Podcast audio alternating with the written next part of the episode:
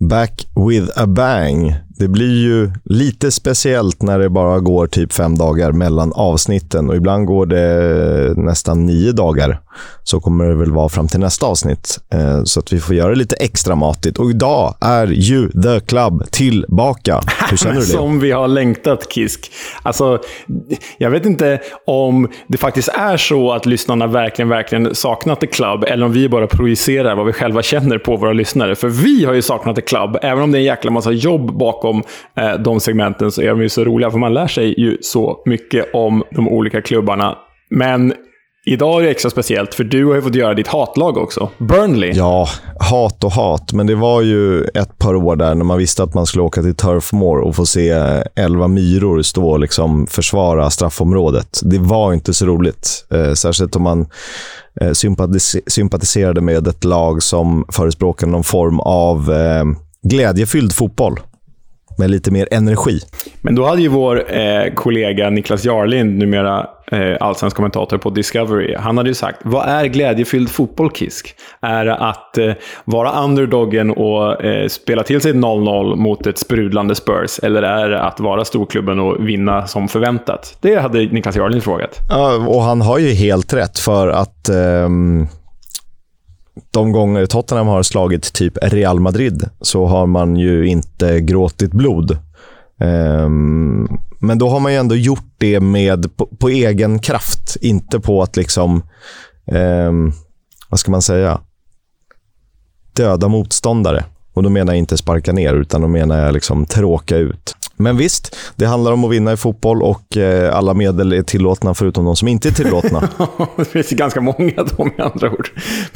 Men det var vansinnigt och tråkigt att titta på i alla fall. Ja, men det kan jag, det kan jag hålla med dig. Eh, jag som är ändå någon slags avid eh, supporter till Blackburn Rovers, i alla fall mitt andra lag, som någon slags second avid supporter till Blackburn Rovers, har ju någon slags inbyggd eh, fientlighet till Burnley, eftersom att de är värsta rivaler. Men med det sagt så är ju mina fotbollsfientligheter ganska tama.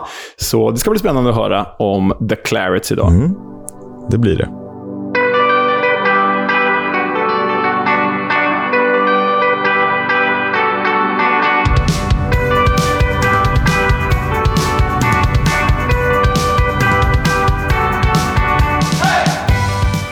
Du lyssnar på Fotbolls Coming Home, en podcast framförallt om världens bästa fotbollsliga, The Championship. Och eh, lite om League 1 och League 2. Lite mer framöver får vi hoppas. Eh, men det finns ju att prata om och jag heter Oskar Kisk, det vet ni nog redan. Och ni vet vad min eh, counterpart heter. Kan jag få hela namnet idag? Leonard Karl Mikael Jägerskiöld Welander. Är det, alltså med tanke på att man kan heta Charles och Michael i efternamn, är det fem efternamn?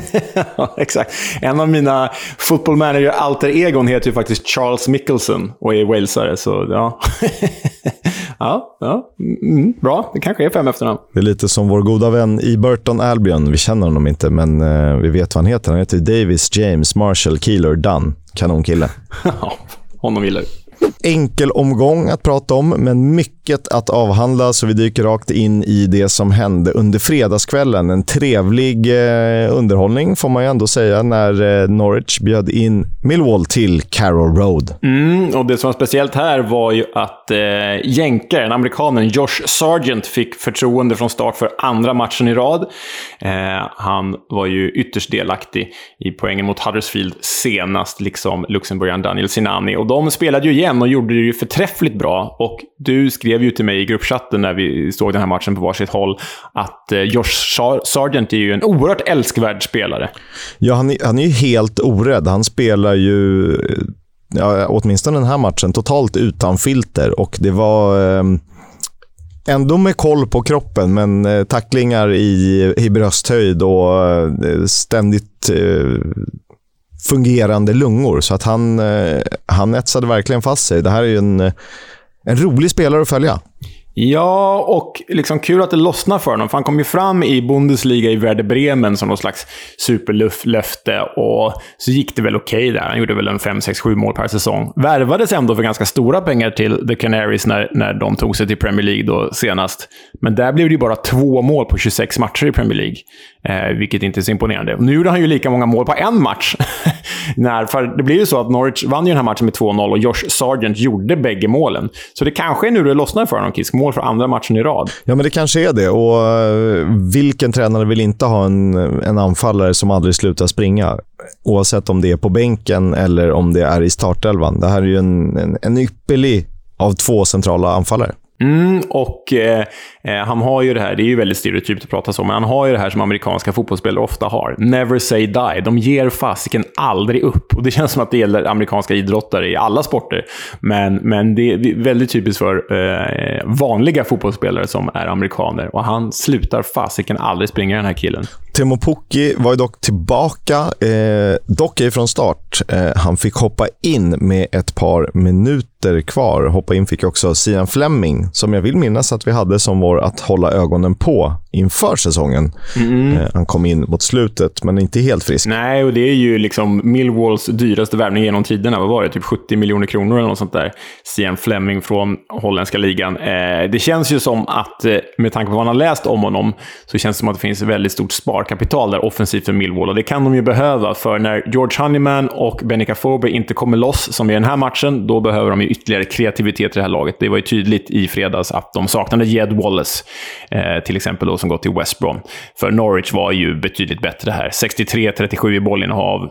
Dock inte så stor skillnad i avslut. 10-7. Men Millwall behöver nog Sian Fleming så fort de kan. Och för Norwich del, kan de få in Pukki mellan typ Daniel Sinani och Josh Sargent så eh, kan det nog bli riktigt bra till slut. Alltså, känslan var ju inte 10-7 i avslut. Jag såg ju också den här matchen. Ehm, det kändes ju som något helt annorlunda. Och eh, spelmässigt, eh, oavsett oaktat bollinnehav, så kändes det som Norwich hade ganska bra kontroll. Och jag skrev med min Millwall-vän nu också eh, förskoleklass eh, kompis pappa blir det ju. Eh, väldigt glädjande. Så vi hinner stå och prata eh, Millwall på gården. Eh, vi skrev lite, han trodde 3-0. Ja, det blev 2-0 och det var väl ungefär känslan. Exakt. Millwall eh, eh, på samma poäng som Norwich, men det känns inte som vi riktigt fastnar med, vid Millwall någon gång när vi pratar om de här, eller när vi går igenom eh, matcherna som har varit. För att de är ju trots allt kanske den mest kända klubben i Championship.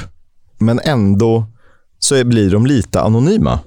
Håller du med? Ja, men jag tycker, ja, jag förstår vad du säger. Jag tycker att vi ändå gav dem rätt mycket uppmärksamhet eh, under våren när de faktiskt var med och nosade på playoff där. Eller nosade, de, de eh, hängde ju tag med både eh, näbbar och klor innan, innan de föll ifrån. Men, men i, i sista omgången där missade de väl. Men eh, ja, jag förstår vad du säger, för det är ju nämligen ett Gary Rowett-bygge och Gary Rowett är ju en är väldigt duktig tränare men också pragmatisk. Så det innebär att fotbollen som Millwall spelar är ju inte särskilt uppseendeväckande.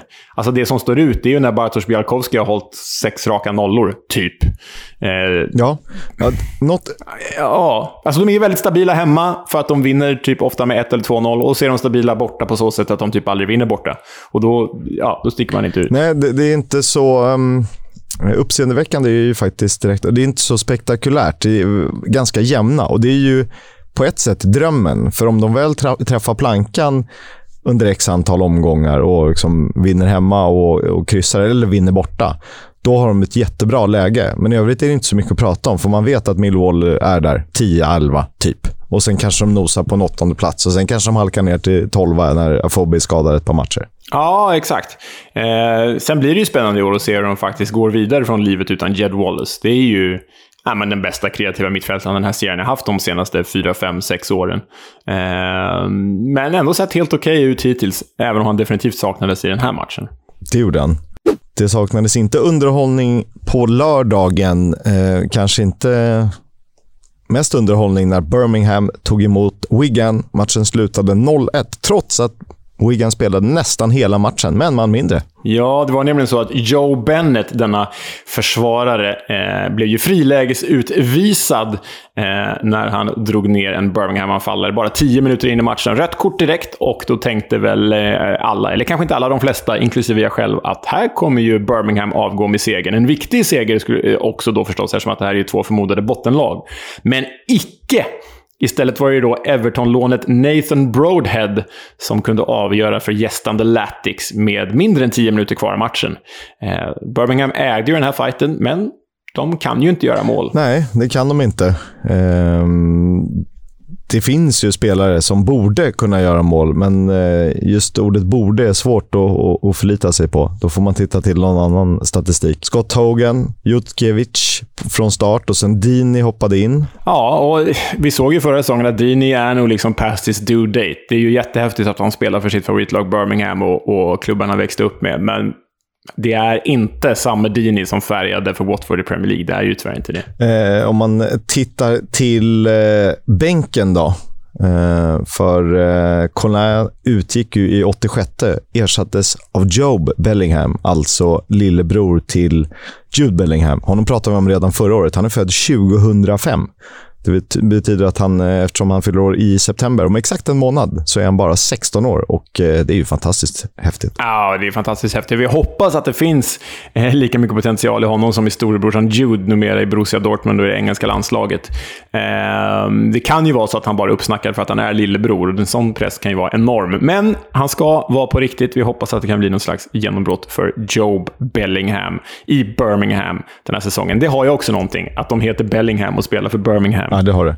Och eh, flera eh, unga talanger Birmingham fostrade från start. Josh Williams, George Hall, för att nämna några. Mm. Ja, men de kör ju sina egna produkter. Gary Gardner-typer och sådär. Det, det, det gillar man ju. Liam Ridgewell-figurer. Sen är kanske... Alltså, Gary, Gary Gardner-figurer, say no more. Jag tror att alla som lyssnar på den här podden vet exakt. Aha, okej. Okay. Ni behöver inte förklara någonting. Ja, och för er som inte vet så kan vi då säga att det är en spelare fostrad i någon av Birmingham-klubbarna, alltså Birmingham, Aston Villa eller West Bromwich, som sen typ spelar för alla tre klubbar innan karriären är över. Det är vad vi menar med en Gary Gardner-figur. Sen ska man helst uh, ha något att uh, göra i Walsall också. Ja, exakt. Men du Kiss, det här var ju Wiggins eh, första tre för säsongen. Eh, alltjämt obesegrad efter fyra matcher som nykomling från League One. Det, det är ju imponerande. Men den stora grejen här, det var ju faktiskt att det var Wigan-anfallaren Charlie Wykes första match sedan han drabbades av hjärtinfarkt.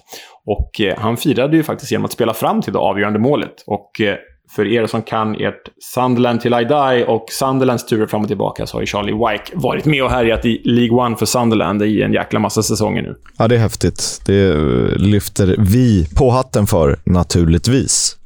Ett eh, falskt Lancashire-derby, eller det är ett derby i Lancashire, men det är inte ett av de riktiga. Men eh, underhållning var det på absolut högsta derbynivå när Burnley tog emot Blackpool och bjöd på Sex mål? Ja, men som ett eh, derby ska vara. Och eh, när man hör att Burnley och Blackpool spelar, eh, delar på sex mål, då kanske man tänker att Burnley vinner med 5-1. Så blev det ju inte. Det slutade ju 3-3 efter en eh, oerhört stark upphämtning av gästande Seasiders. För Burnley ledde ju alltså med 3-1 efter en dryg halvtimme.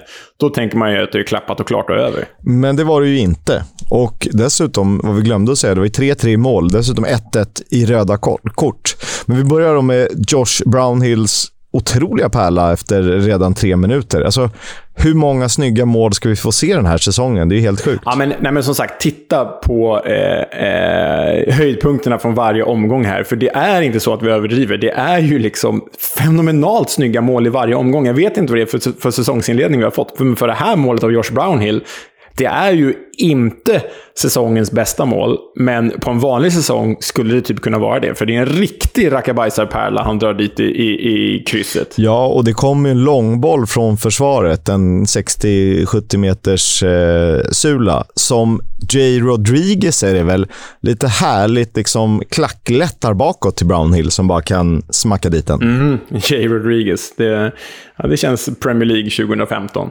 Men, men den stora grejen här för Burnley det var ju faktiskt inte det där målet. Det var ju att Nathan Tella gjorde sina första, eh, eh, eh ja, första mål för klubben och båda på ett oerhört eh, bra sätt. Southampton-lånet, eh, med tanke på J. Rodriguez-historiken, blir mycket Southampton nu. Men Nathan Tella utökade till 2-0 i elfte minuten och sen satte han 3-1 i 33 minuten. Och eh, det är ju ett genombrott om något. Verkligen. Två snygga mål på, på olika sätt. Värda att titta in. Och eh, 71-29 i bollinnehav, men 4-8 i avslut på mål.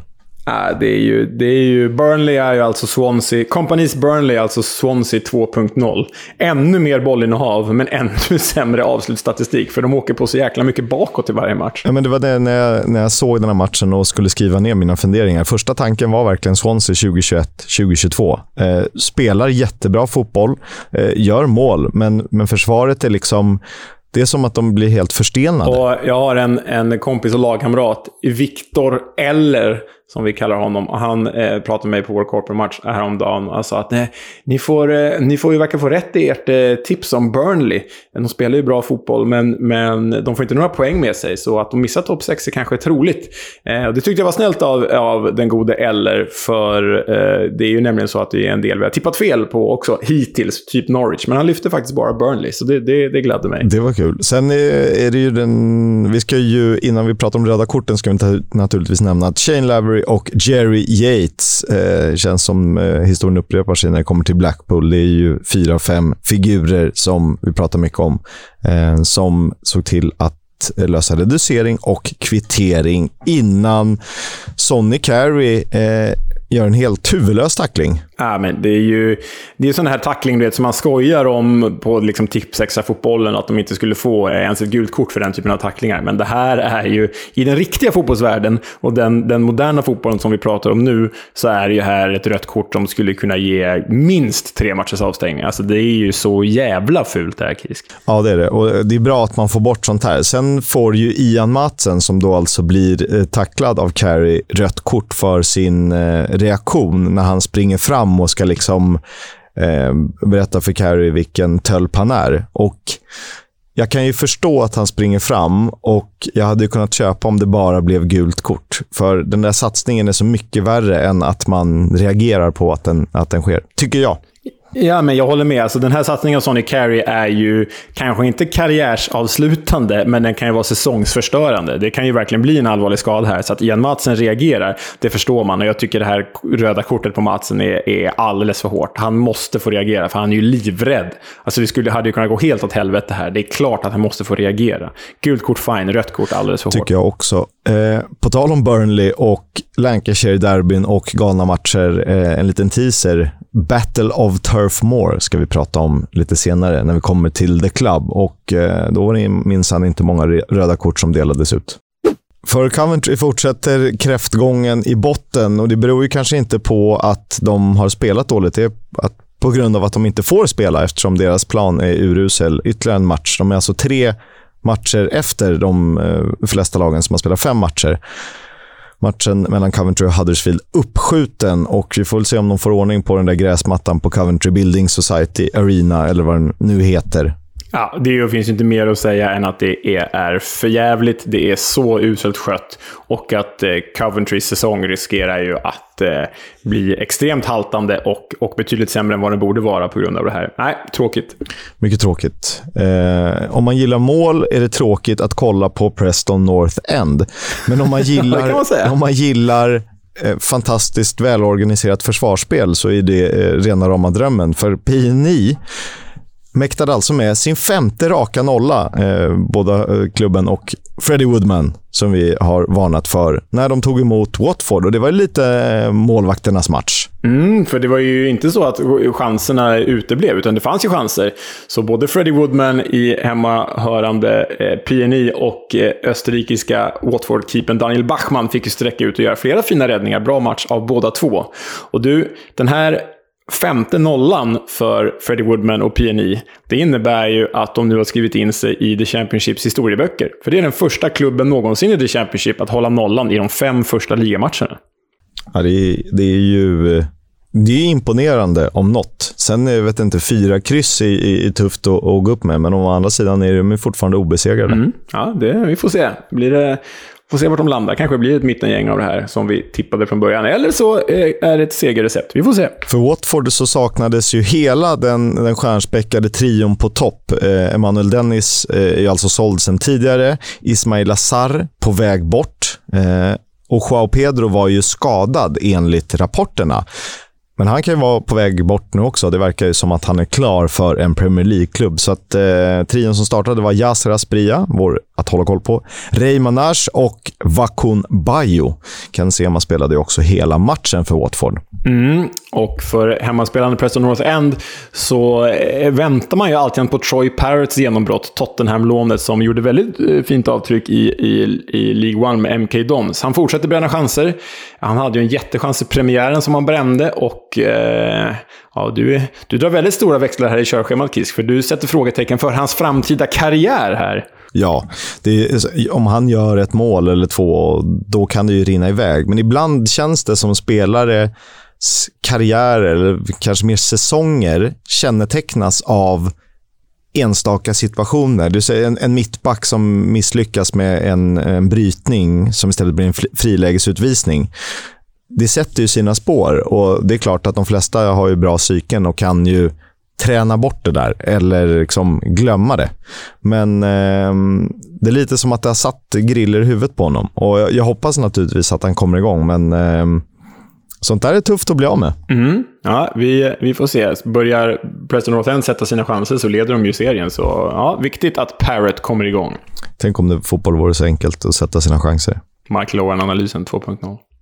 QPR, Queens Park Rangers, tog emot Rotherham och eh, det slutade 1-1. Ja, det var ju vår eh, irländska nigerian, eller nigerianska irländare, som vi varnade för redan i guiden. Kiedosie Ogbene som gjorde mål igen. Drygt halvtimme in i matchen på Kian Prince Foundation Stadium satte han 1-0 för gästande The Millers. Och Kisk, förra säsongen gjorde han ju tre mål på 43 matcher i League One. Eh, nu har han gjort tre mål på fyra i The Championship. Vilken eh, utveckling! Jätteroligt att se. Eh, ja, men superkul och roligt för oss som har honom i Gaffer Fantasy också. Han var en del i mitt fyrmanna mittfält med, där alla hade dubbla poäng. Så att, eh, det tackar vi för och börjar blicka uppåt mot eh, grabbarna i toppen. Mm, de, de ska vi hinna ikapp. Lång säsong. Chris Willock gjorde mål. Eh, en liten soloräd och en fin one-two med Ilias Shair. Och jag tror att QPR kan dra väldigt mycket nytta om man får igång de där två. Om Chris Willock får vara skadefri och Ilias Shair hittar en lekkamrat, då har de vunnit väldigt, väldigt mycket. Ja, alltså de två tillsammans är ju, då är det ju Premier League-klass och det är ju ett artisteri i klass med Adel Tarap dessutom när han var som bäst. Så ja, det är ju en fröjd att se. Tyvärr är ju QPRs trupp alldeles för tunn eh, och när Willock faller ifrån varannan match då är det ju jobbigt att eh, hitta ersättare. Så vi får se. Hoppas på en skadefri säsong för den gode Chris Willock. Men eh, i gästande målet stod ju vår kära kompis Viktor Johansson, eh, svensken med Hammarbyhjärta. Han eh, gjorde en stabil match, eh, stod för ett par starka ingripanden och drog till och med på sig ett gult kort. Mm. Det gillar vi. Målvakter som får, eh, får gult kort, såklart. Han ser ju jättestabil ut hittills. Det är superroligt. Ja, och det gör ju faktiskt Rotherham också som, som lag. Rotherham är ju alltså fortfarande obesegrat efter fyra matcher. Och eh, det är ju lite haltande för vissa. Vissa har spelat fyra matcher, andra har spelat fem. Men Rotherham är obesegrat tillsammans med tre andra gäng. Och det är ju Preston North End, Watford och Wigan. Eh, lite överraskande trio där i Rotherham, Preston och Wigan faktiskt. Watford kunde man kanske förutspå. Ja, men eh, kul att alla tre nykomlingar gör det förhållandevis bra givet förutsättningarna. Mm, ja, verkligen. Sen kommer ju dippen, det vet vi. Alla dippar under en Championship-säsong. Jag väljer att kalla det helgens stora skräll. Det var ju Reading som återigen piskade till ett eh, antingen reellt topplag eller ett förmodat topplag när de vann mot Middlesbrough med Ja, det här såg man inte framför sig. att att eh, efter fem omgångar skulle Reading ligga trea, som klarade sig med en hårsmån från degradering i våras, medan Borough, detta tippade topplag som satsat stort, av Chris Wilder som tränare, alltjämt skulle stå utan seger. Det eh, såg vi inte framför oss. Vi såg nog inte heller framför oss hur det här skulle avgöras. För vi pratar ju om drömmål. Therese Fornas avgörande mål här, en knapp halvtimme in i matchen, det är ju en sabla strut som påminner lite, lite, lite om Thiago Alcantaras Champions League-bössa för Liverpool förra säsongen. Kul för honom att få göra sitt första A-lagsmål, 22-åringen. Tokdominans för Middlesbrough i bollen havet, eh, 73-27. Eh, de vann avslutsstatistiken med 5-3, eh, men Reading håller tätt. Och det är ju inte tack vare Joe Lumley. Nej, han fick inte spela eftersom eh, han mötte klubben han är utlånad ifrån, Middlesbrough.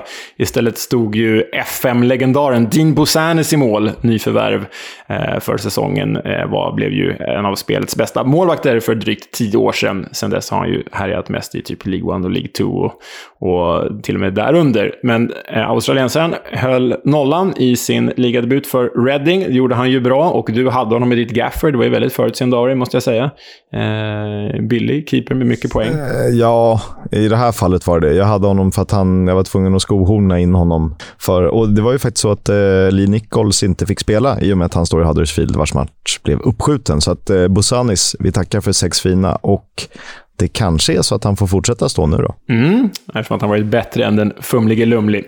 Men eh, på tal om Middlesbrough, ska man vara orolig här? Alltså, de har ju fortfarande ingen seger den här säsongen. Ligger ju i botten. Och tittar man liksom bakåt eh, på förra säsongen, från det att Chris Wilder tog över, så har ju Middlesbrough faktiskt bara vunnit sju matcher under hela 2022. Är Chris Wilder eh, avslöjad?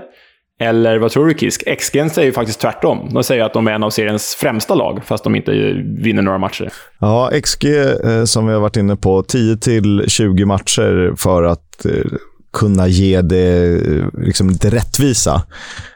Men jag tror att hade du frågat många experter så hade de nog sagt att Chris Wilder var den mest attraktiva tränaren i Championship förra säsongen. Möjligtvis konkurrens med Steve Cooper, Kanske eh, någon mer typ Nathan Jones visat att det går med, med små medel. Sen har ju Neil Critchley fått, fått nytt uppdrag och så vidare. Men det var väldigt mycket snack om Chris Wilder. Vad ska han göra, göra nu? Kan han vara en framtida förbundskapten? Ja, det har ju pratats på den nivån, men nu, nu de kryssade sig ju bort från, inte så att de förlorade så mycket i våras, men de kryssade sig ju bort från playoffplatserna i våras. Eh, vissa sköljde på Lamley i mål, vissa sköljde på, mål, mål, skyllde på målproduktionen, att de inte gjorde tillräckligt. Nu har de försökt rätta till bägge. De har värvat anfallare som ska vara målskyttar. De har värvat en amerikansk landslagsmålvakt för att ersätta Joe Lamley i mål. Och ändå vinner de inte. Och då har de ju dessutom seriens bästa wingback-par i, i Isaiah Jones och eh, eh Ryan Giles. Så eh, ja, vi kanske inte behöver vara oroliga än, men snart eh, eh, knackar det nog på, på Chris Wilders eh, kontorsdörr om ingenting händer. Mm. Eh, lite svårbedömd trupp också, även om det finns mycket kvalitet. Den känns liksom bred utan spets, men ändå spets utan bredd. Jag kan, kan, inte riktigt sätta fingret på det, men eh, det känns som det är någonting som saknas. Mm. En, en, ja, en självklar målskytt, än så länge. Det kanske är det. Självklar målskytt eh, har eh, Sheffield United hittat när de eh, ångar vidare som ny serieledare. Mm, de körde ju över den förra serieledaren som ledde efter tre omgångar, Blackburn. Det blev ju 3-0 på Bramall Lane till The Blades mot Rovers. Och eh, det var ju ett målskytte som började, eller inleddes med en sinnessjuk frispark av Oliver Norwood. Hur långt, hur långt ut är han, Erkis? Ska han 30 meter ut, eller? Den ja. är helt, helt otrolig. Är den. Han är nog 30 meter ut. Eh, en fin liten båge får den också, eller en fin liten, en liten skruv runt slash över muren. Och det är klart den är svår att ta när man, när man sätter den med tryck. Men eh, då fick han ju blodad tand. Då skulle han skjuta på allt. han fick ju hybris. Alltså kollar man på matchen eller kollar på höjdpunkterna. Så efter den här frisparksmålet så kommer det typ tre skott till från honom, från honom i så här omöjliga lägen. Det är inte så att han är 10 meter från mål, utan han är ju 10 meter utanför straffområdet när han provar de här skotten. Så äh, han fick hybris, kan man ju lugnt säga. Det fick han ju. Eh, Ilman Ndiaye spelar ju alltid med hybris och eh, när det väl lossnar så är det ju otroligt sevärt. Han eh, gjorde båda de övriga målen målen i 72 respektive 79 minuten. Det första då blir han skjuten på. Eh, och det andra är lite snyggare en lite högre kvalitet från eh, den lilla trollgubben. Ja, sen är det ju så att eh, Ndiayes eh, första mål, det som alltså blir 2-0, blir han ju skjuten på av en, en egen lagkamrat och så ställer det Blackburn målvakten Kaminski. Men det som är väldigt intressant i den här situationen, det är att Blackburn har precis fått in en spelare på planen igen som har liksom fått vård. Och när man tittar på reprisbilderna på målet så liksom rullar den här spelaren ut från planen igen, han som precis har kommit in, som för att försöka upp... Eh, som för att försöka ställa NDI offside. Så, så, så liksom, hade han aldrig klivit in på plan så hade NDI blivit offside. Men han klev in på plan och då försöker han då sen rulla ut igen så att, så, som, så att han försöker lura domarna att han aldrig klev in och därmed skulle NDI vara offside. Det ser, ser lite roligt ut. det där hände väl när var det Sverige mötte Italien? Jag kommer ihåg att det var eh, Panucci i alla fall, som upphävde en offside genom att vara utanför planen. Då hade han ju inte kommit in igen, utan då var han ju bara, gick han ju utanför planen och trodde att han inte skulle påverka spelet. Men man är ju fortfarande i spel om man självmant kliver ut utan att ha varit skadad. Just det, just det. Ja, så är det. Just det. Eh, så är det. Men eh, det hade inte spelat någon roll, för det var 10-0 i skott på mål. Och skjuter man noll skott på mål så är det väldigt svårt att göra mål. Den kan ju förstås ta i ribban, men ja, ni fattar. Ja, och eh, det hade kunnat bli mycket mer än 3-0 här. För Ollie McBurney spelade ju för Sheffield United bredvid Ilman Ndiaye och han gör ju som han brukar göra. Han brände extremt mycket. Hade kunnat bli 4-5, kanske till och med 6-0 annars. Och sen kul att eh, Anel Ahmedhodzic eh, fortsätter att göra succé. Han är älskad på The Blades sociala medier i Kisk. Alltså, de hyllar honom överallt, hela tiden. Supportrar. Han har gått rätt in i supportrarnas hjärtan. Ja, det är kul att se. Eh, om man nu kallar honom svensk. Han är inte svensk landslagsman, men född i Sverige. Och i den här podden är han svensk, för vi behöver våra gubbar att hänga upp det på. Jätterolig start och det känns som motsatsen till Troy Parrott. Då. Här träffade allt rätt från första stund. Det var liksom eh, match made in heaven. Ja, ja, inget snack. Blackburn hade alltså lägst XG för omgången. 0,09 och det är inte jättebra. Nej, då, då gör man inte mål. Nej, då gör man absolut Det gör man inte. Eh, Stoke gör inte heller mål. Eh, det gör Sunderland och vem gör mål för Sunderland om inte Ross Stewart? Mm i detta eh, tröjfärgsderby, rödvit-randigt mot rödvit-randigt på Britannia Stadium. Och eh, alltså den här anfallsduon som Sunderland har nu i, i Ross Stewart och Ellie Sims. Jag såg att det var någon Sunderland-supporter som skrev det på sociala medier. Är det nya Niall Quinn och Kevin Phillips? Kan det vara så? Kan det vara så bra? Ja, men, och en, ja det kan det vara. Men det är också en riktig SAS, alltså S and S. Eh, precis ja, som Sheeran, Sutton, Suarez and Sturridge, Sims and Stewart. Så SS mm. blir det.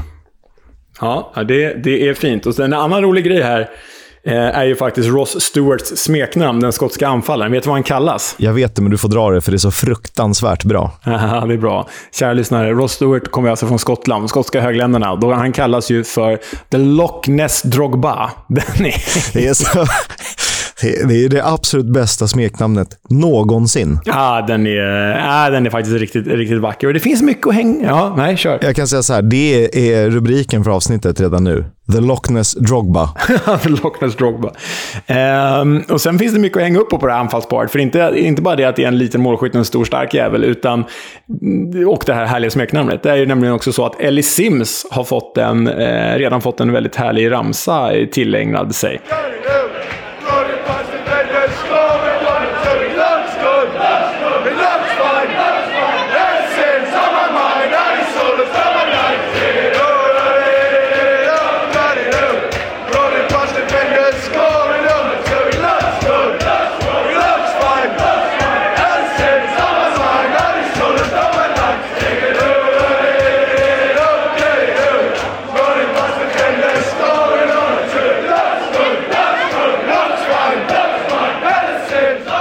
Ja, det är ju, eh, de är ju snabba på att, snappa upp. Man behöver inte eh, förespråka modern engelsk läktarkultur, men de har alltid haft den här härliga humorn och varit snabba på att eh, hylla spelare. Sen kan man tycka vad man vill om det. Det följer säkert inte Ultras-manualen, men jag gillar deras sätt att applicera det.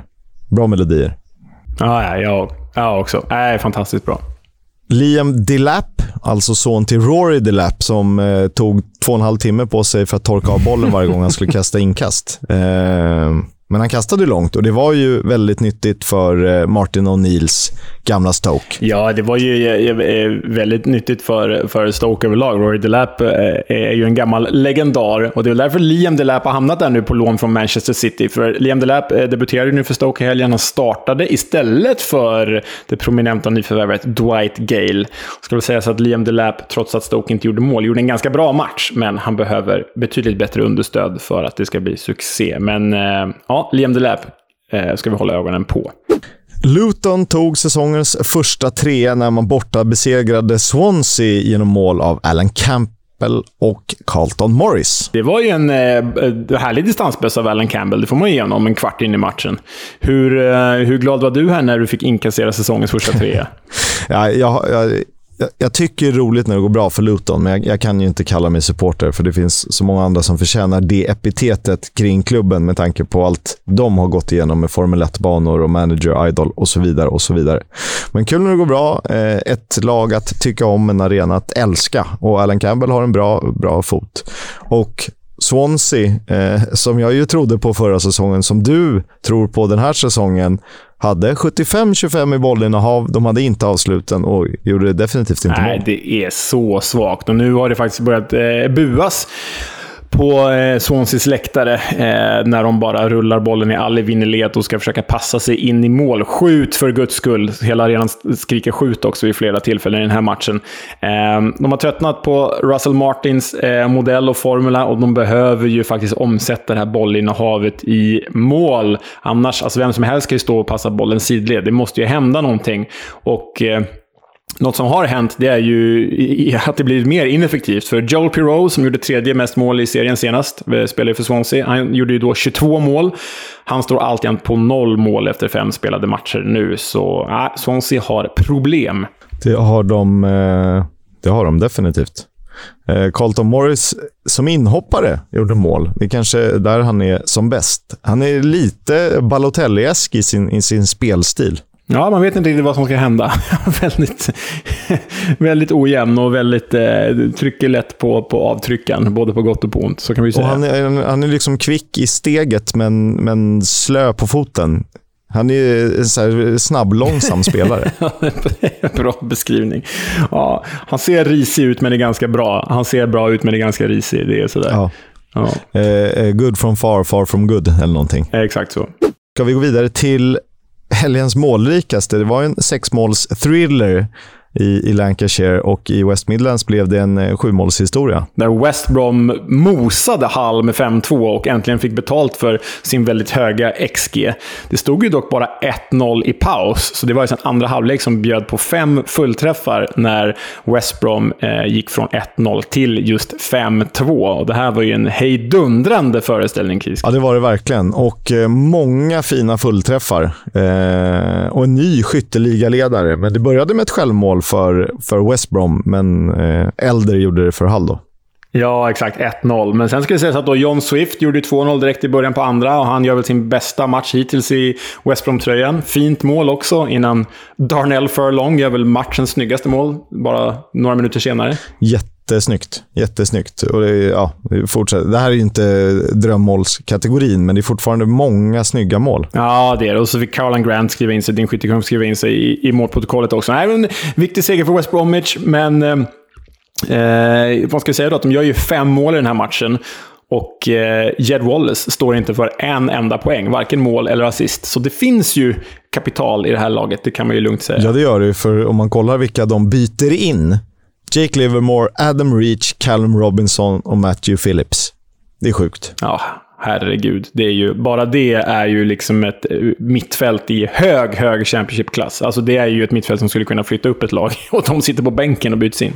Ja, det, det är ju orättvist ibland i fotboll, så är det. Orättvist för Hall var ju också att Ozan Tufan, den turkiska landslagsmittfältaren, utgick skadad efter 21 minuter. Tungt tapp för Hall förstås. In kom då istället nya Ryan Woods, som de värvat från Birmingham. Ja, det, det, var första segern för säsongen och jag känner lite att eh, det hängde i luften att förr eller senare skulle komma och kan vara startskottet som behövs för att liksom elda igång det här Baggis som vi vet har mycket kvar att ge. Ja, det har de ju verkligen. Och eh, någon som verkar ha mycket att ge, det är ju Oscar Estopinan som vi varnade för i guiden inför säsongen. Halls colombianska anfallare. Han gjorde ju Halls båda tröstmål i, mot slutet av matchen. Och han är nu ensam skytteligaledare. Mm, fyra fullträffar hittills. Eh, snyggt spanat, även om det inte var så uppseendeväckande kanske, men med ett stjärnförvärv. Mm. Eh, helgens eh, sista match i Championship var ett derby, ett Severnside-derby när Bristol City drabbade samman med Cardiff City. Ja, den här såg jag så att jag mös framför med min treårige son medan eh, vår ettåring låg och sov. Men eh, det var en jämn match. Eh, Bristol City vann förvisso med 2-0, men det var ett jämnt derby där The Robins var ju ja, men de som gjorde målen. Det var väl skillnaden. För det ska sägas att precis före 1-0 på, på, i 40 minuten så har ju Cardiff haft sin bästa period i första halvlek. Han har haft 10 minuter i alla fall där de ja, spelat ut Bristol och, skaff, och, skapat chanser och till och med gjort mål. För det var ju så att Shea Ojo eh, satte ledningsmålet för gästande Cardiff, framspelad av Callum O'Dowda. Detta utbuade nyförvärv. För han har varit så bra i Cardiff och kom ju från rivalen Bristol City i somras. Eh, men eh, det målet dömdes ju bort korrekt, för det var offside. Istället kunde ju då 20-årige local lad Tommy Conway sätta matchens första balja. Eh, han firade ju lite som Anders Svensson mot Argentina VM 2002. Han vet inte vad han ska göra, så han bara springer och viftar och jublar. Och, väldigt, väldigt glad. Och det får man ju förstå när man spelat i en klubb sedan man var sju och så får man göra mål i ett derby. Nu fyra på fyra, inklusive kuppen mot Coventry. Ja, det är härligt när, eh, när talangerna går hela vägen. Mm. Eh, och han och Naki Wells, min gamla Huddersfield-kompis, kompis eh, har förpassat Chris Martin till bänken. Ja, och det är, verkar inte sitta så mycket i spelarna eh, i Bristol City. För förra årets trident, Weimann, Martin och Semenyo, var ju ligans mest framgångsrika, förutom Fulham då möjligtvis.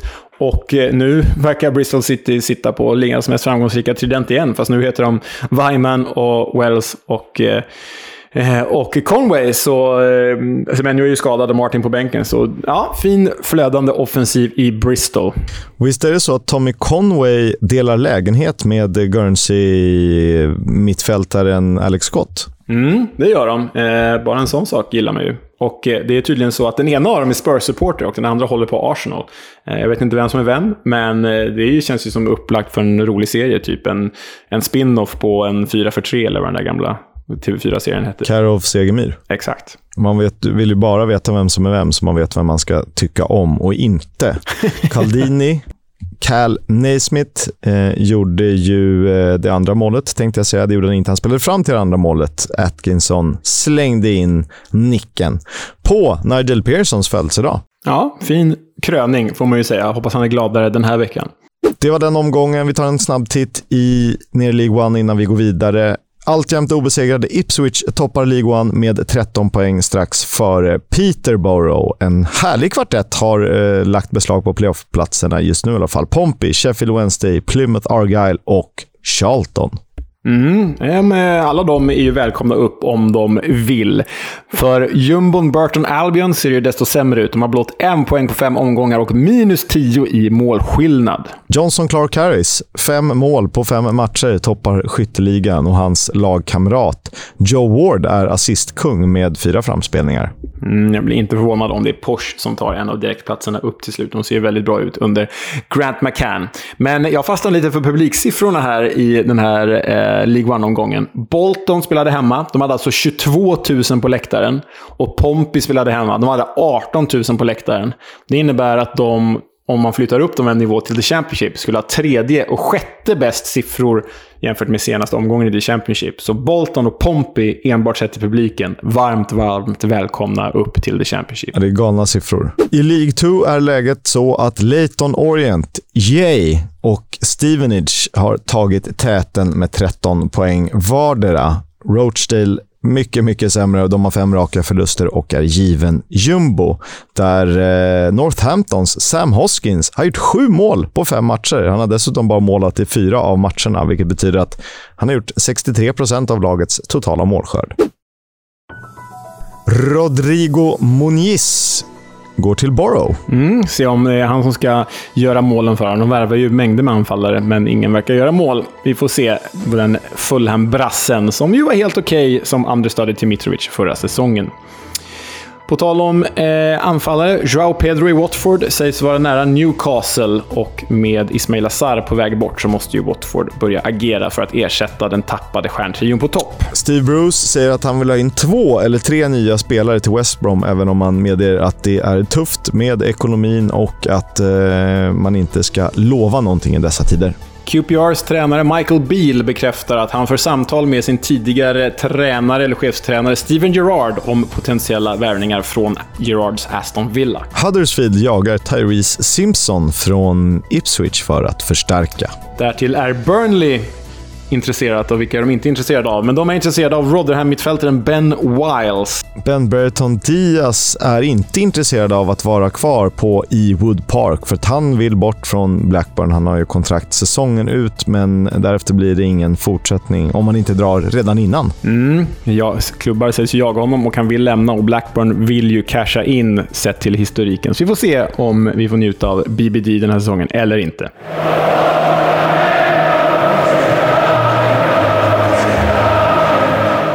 Footballs Coming Home sponsras av Stryktipset, ett spel från Svenska Spel, Sport och Casino. För dig över 18 år. Stödlinjen.se. Jag fastnar eh, vid match 7 där Blackburn Rovers tar emot Stoke på lördag klockan 16. Ja, efter tre raka segrar och serieledning blev det två raka förluster för Blackburn Rovers som inledningsvis var väldigt effektiva.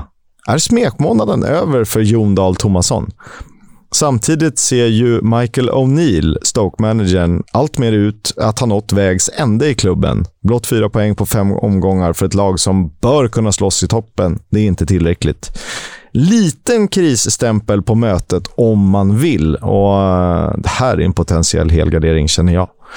Men vad känner du kring eh, den kommande omgången, Leo? Ja, men fredagsfighten Luton Town, The Hatters mot The Blades, Sheffield United, känns ju som en underbar fredagsunderhållning. Jag sitter ju på en, i en bil på väg ner till Öland då, för jag ska på bröllopet där i helgen. Men eh, så länge jag inte kör så kan jag nog titta på den där matchen, så den ser jag fram emot. Och sen på lördag ja, det är ju faktiskt svårt att lyfta något annat än Sunderland mot Norwich här. Vilket jäkla pangmöte för den här nivån. Och Sunderland med kraft i ryggen dessutom. Ja, den ser man ju oerhört mycket fram emot. Fy sablar vad fint det kan bli med Stewart och Sims mot Pookie och Sargent. Ja, det kan bli drömmigt. Sen har vi också en veckoomgång coming up, så att eh, nästa avsnitt kommer ut torsdag nästa vecka. Ja, mycket matcher att avhandla. Du, och eh, med det så har det blivit dags för säsongens första The Club.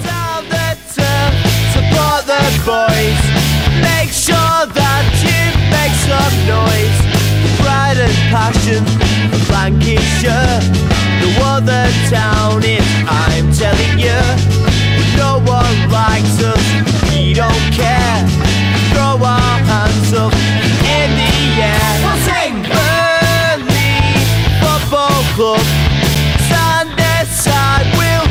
Give up. It's all the turf, support the boys. Make sure that you make some noise. Come and sing with me.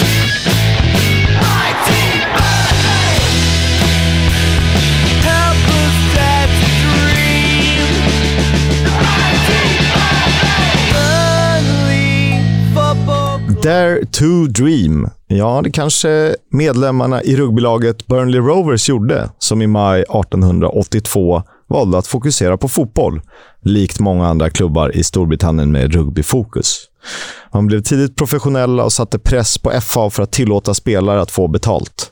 Burnley Football Club var också en av tolv ursprungsmedlemmar i The Football League. För er som inte vet så är Burnley beläget i östra Lancashire, alltså någonstans i nordvästra England, tre mil norr om Manchester. En viktig plats för Lancashire med marknaden i centrum och som bruksstad under den industriella revolutionen. Först ut med Claret and Blue, alltså vinrött och blått, var ju Aston Villa och West Ham följde. Och Burnley såklart från 1910, där anledningen sägs vara en hyllning till mästarna Villa och med hopp om att färgerna skulle bringa tur. Jaha, en hyllning till Villa. Så då, ja, men, eh, bra, det här gläder mig att du reder ut direkt, för jag har funderat på vilka som var det första Clarets. Kul! Även Scanthorpe har ju anammat färgerna och faktiskt eh, Crystal Palace har ju varit Claret and Blue, även om de är mer röda och blå nu för tiden.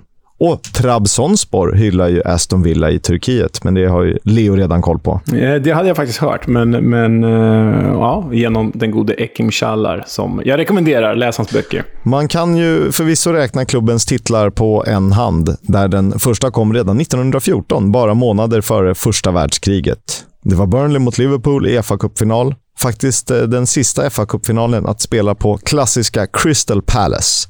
Med drottning Elisabeths farfar George den femte som prisutdelare fick Burnley jubla högst. Den tidigare Everton-anfallaren Bert Freeman matchvinnare med finalens enda mål mot Liverpool. Det dröjde inte så lång tid innan nästa titel. Liga och cupfotbollen tog ju paus under första världskriget, men när den väl var tillbaka på allvar var Burnley redo med besked.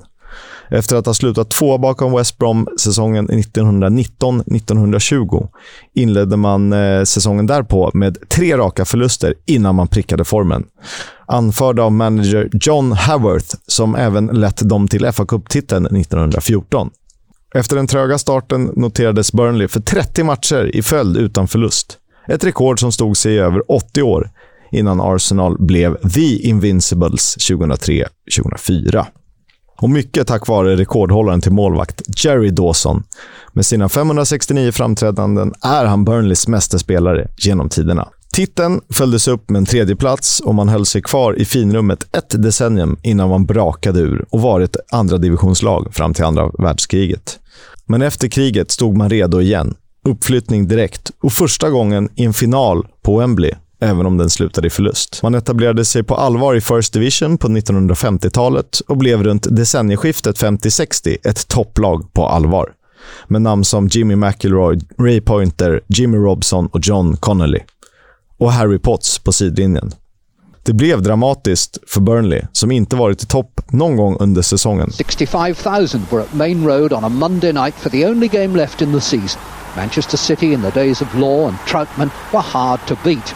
But Trevor Meredith, recently promoted from Burnley's reserves, scored the winning goal.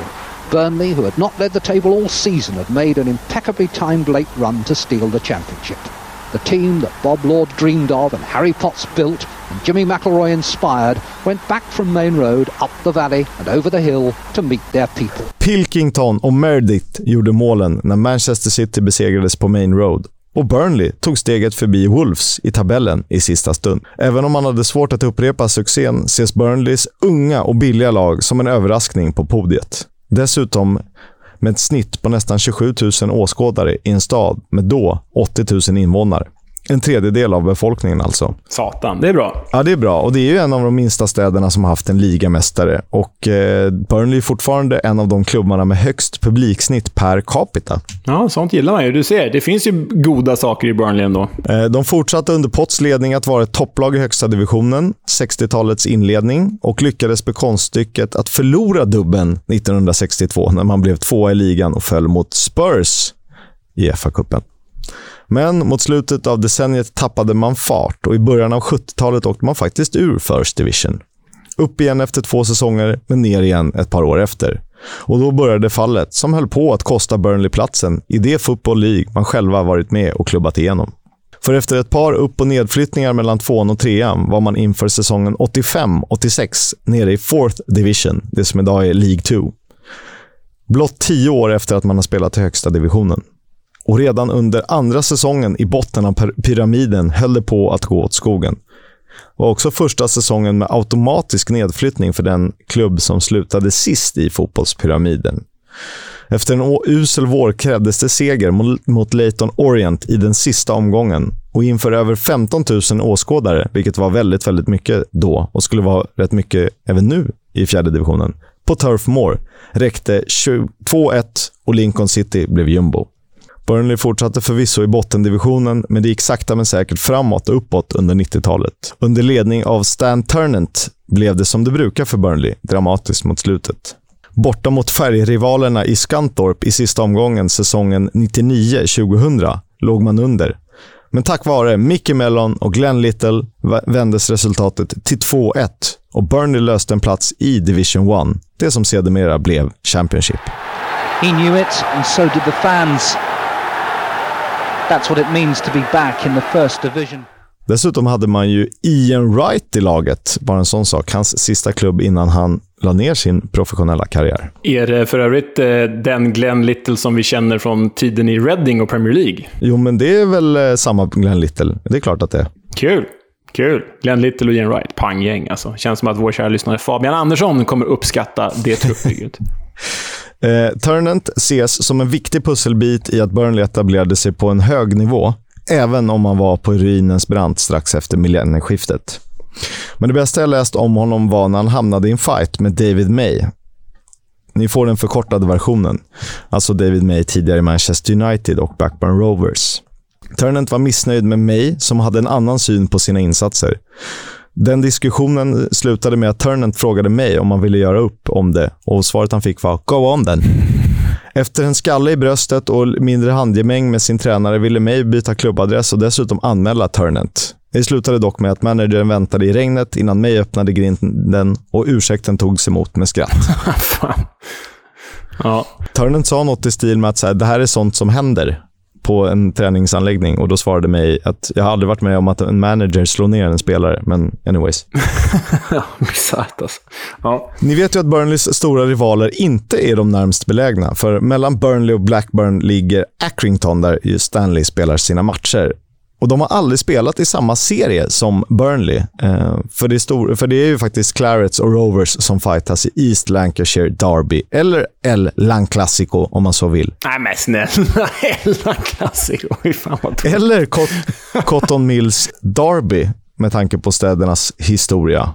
Ett av eh, två riktigt heta derbyn i lilla Lancashire. För det är ju två viktiga bruksstäder eh, och då är de ju Cotton Mills rivaler. Ett av de grisigaste El Lanclassicon spelades ju faktiskt med Turnant som manager och eh, som huvudin, huvudrollsinnehavare på Turf Moor. Och Graham Souness som fredsmäklare på andra sidan. December 2000. Ett stjärntätt Rovers med Brad Friedel, Henning Berg, Björneby, Duff, Dunn, Flitcroft, McAteer, Mark Hughes och Marcus Bent. Mot ett något mer anonymt Burnley. Blackburn vann matchen med 2-0, men det var ju tacklingarna som fick rubrikerna. Vi delade något klipp för inte så länge sedan när det, när det flög typ sex röda kort, men blev knappt något eh, via Twitter. Och I den här matchen delades det ut ett rött kort och tre gula. Den här matchen finns ju att se, i alla fall highlights på 5-6 minuter. Och det är ju... Ja, gillar man riktig engelsk fotboll så är det här det ni ska titta på. Helt, det, det bara flyger människor.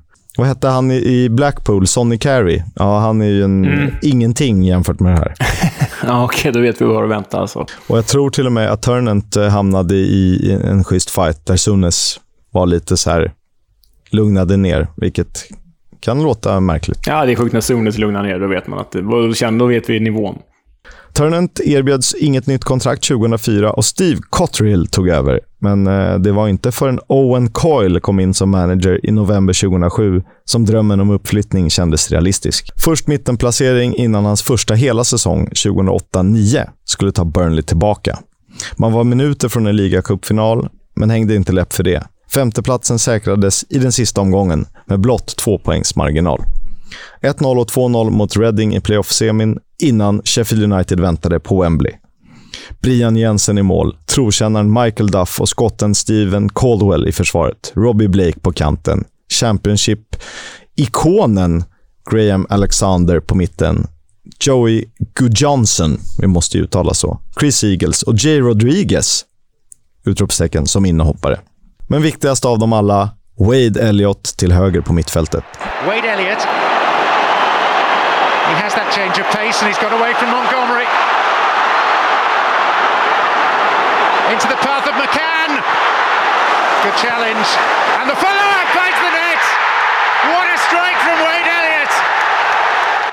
Efter en stark löpning och lite flyt med rensningen får han bollen i ett suveränt läge och avslutet är minst sagt suveränt även det. Matchens enda mål och Burnley tillbaka i finrummet efter 33 års väntan. För första gången skulle den klassiska klubben från den lilla staden spela Premier League, som en av de minsta orterna någonsin. Och det började ju faktiskt bra i Premier League med seger mot mästarna Manchester United och totalt fyra raka hemmasegrar, innan bomben slog ner. Bolton lockade över Owen Coyle och ersättaren Brian Laws kunde inte hålla Burnley kvar. Laws fick gå efter ett halvår i Championship och Burnley slutade åtta under Eddie Howe och fick göra ytterligare en säsong i andra divisionen. Howe flyttade hem till Bournemouth i oktober 2012 och ersattes av den person som skulle komma att bli en av de stora i klubbens historia, Sean Dyche. Förvisso bara, inom citationstecken, en elfteplats första säsongen, men det var i en turbulent miljö och det ses som ett riktigt stort framsteg. För säsongen därpå slog Burnley rekord som den klubb med flest poäng som tvåa i Championship, med 93 pinnar. Något som tangerades av Brighton 2017.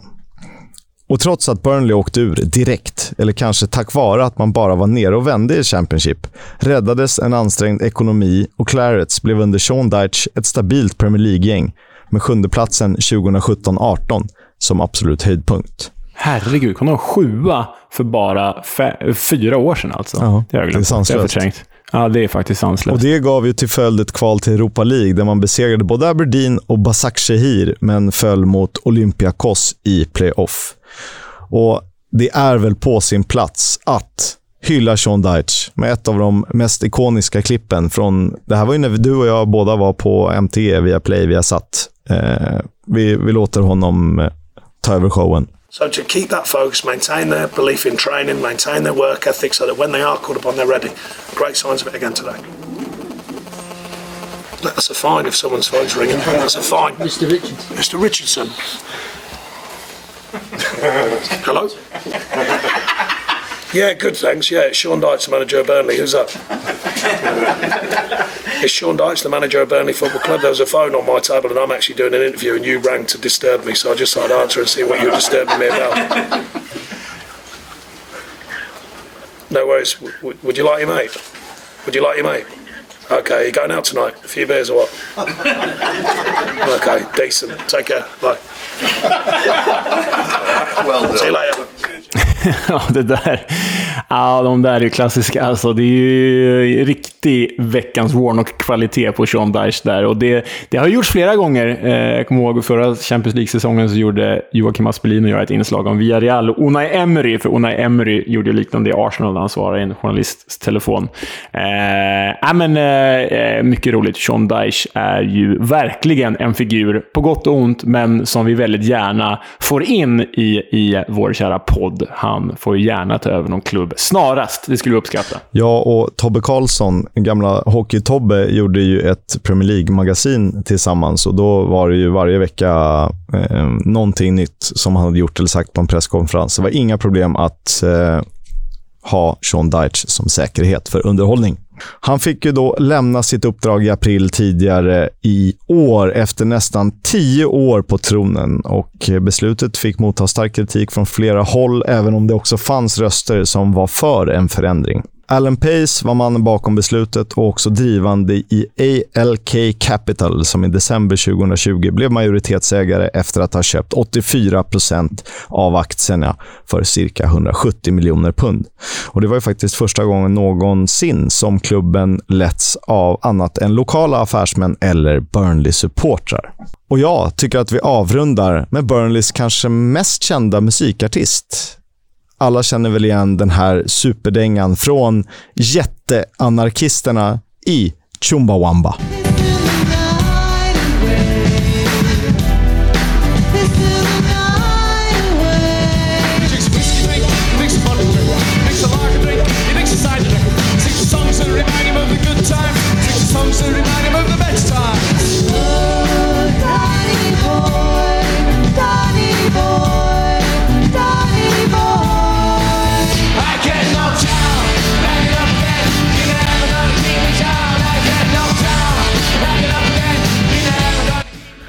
Har du koll på vad tub thumping betyder, Leo? Nej, men jag blev glad att de kommer från Burnley, för du har gett Burnley färg, Kisk. Du har gett dem färg. Minsta staden att vinna ligan och framförallt Chumbawamba. Visste inte att de kom från Burnley, så äh, det här gladde mig. Men för att svara på din fråga, nej, det vet jag inte.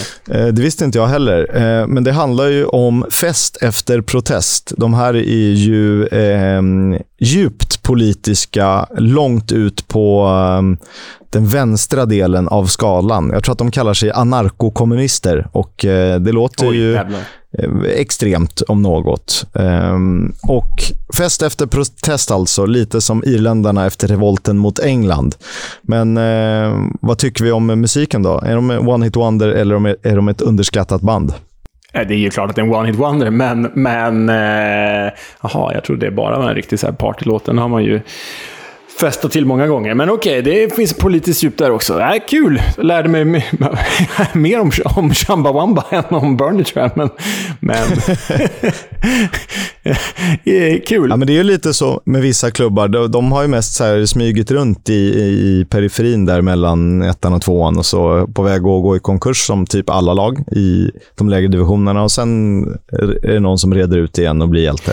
Ja, nej men eh, eh vad känner du själv efter att ha gått in i det här eh, researcharbetet med en eh, aversion för Burnley ändå. Vad känner du nu så här i efterhand? Alla klubbar har ju någonting och jag gillar ju ändå Sean Dyche och det han gjorde. För att han, han insåg sina begränsningar, spelade efter material och eh, ekonomi och resurser och gjorde det ju väldigt bra. Alltså en sjunde plats. Då, då får man, om man tar av sig Tottenham-glasögonen får man nog köpa att, att de backade hem då och då. Ja, det får man ju faktiskt acceptera. Ja, men kul. Kul att The Club är igång. Eh, då är det väl också din tur att ge mig ett uppdrag till... Jag tror inte att vi kör The Club nästa vecka, men om två veckor alltså. Eh, vad, vad... Ja, det blir så vansinnigt mycket när det är dubbelomgångar. Och eh, jag tänker att det är klart att vi ska börja med att riva av de tre som är, kom ovanifrån du känns ändå som en Norwich-kille och eftersom eh, du har matchtröjan och jag eh, kanske får göra Watford eftersom jag har varit och sett Watford så är väl det en rimlig uppdelning för kommande veckor. Ja, men det tycker jag låter, eh, det låter bra. Det låter roligt. Ta mig gärna an uppdraget. We'll have a chat about the fucking game. About your game, last few months, last few weeks. Fucking character. Ja, Leo, vad har vi grävt fram idag? Jo, men eh, vi pratade om, den här, eh, om det här segmentet som att eh, alla våra lyssnare är densamma som var med när vi lanserade det här segmentet för ett år sedan. Så jag tycker vi ska berätta att liksom, veckans Warnock eh, utgår ju från den gamla tränarlegendaren med, med den mest meriterade, med mest matcher och mest uppflyttningar från The Championship, eh, Neil Warnock. Han var en väldigt, eller är en väldigt frispråkig herre som hittar på massa dumheter och roliga saker hela tiden. Så veckans Warnock är ju en hyllning till honom, men det behöver ju inte vara ett klipp som han står för. Det kan ju vara någon annan, vem som helst i hela Football League, som gör något knäppt eller galet som Neil Warnock skulle kunna göra. Så eh, det innebär att ibland är ju inte Neil Warnock som står för klippet, som idag. Idag har vi ju Preston North Ends tränare Ryan Lowe som här sammanfattar sina tankar kring övergångsfönstret och är väldigt tydlig med vilka spelare han värvar och inte värvar. Be careful. I don't want to give myself too much credit in terms of we, we have a recruitment team as well, obviously. But what, what, one of my big things is, and, and I'll say it on record, I don't sign any knobheads. It's as simple as that. Um, and if I feel someone's going to cause the group a problem, or cause me and the coaching staff a problem, or even cause the club a problem, mm. it's not going to happen. Nej, vem vill ha en knobhead i laget? Det vill man inte. Nej, nej det vill man Nej, det är bra. Det är bra ord. Ja, det är bra ord. Han är väldigt tydlig också. Inga jävla idioter i mitt lag. Det är klart jag inte värvar sådana. Eh, uppskattas med, med den rakheten. Knobhead är alltså spelare som släpper in mål.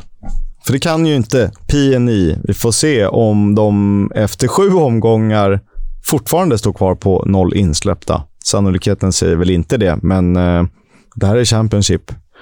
Då gäller inte sannolikhet längre. Exakt.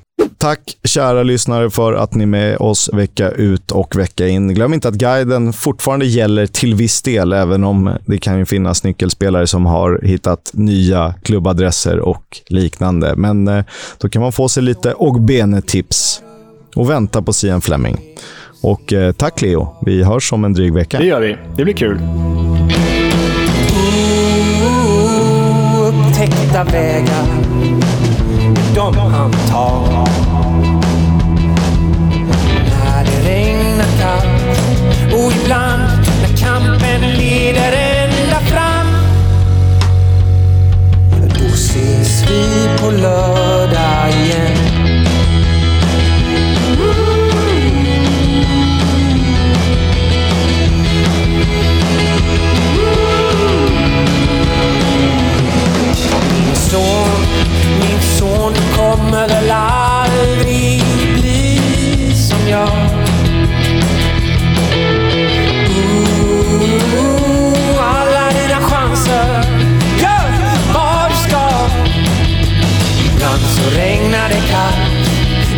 Ibland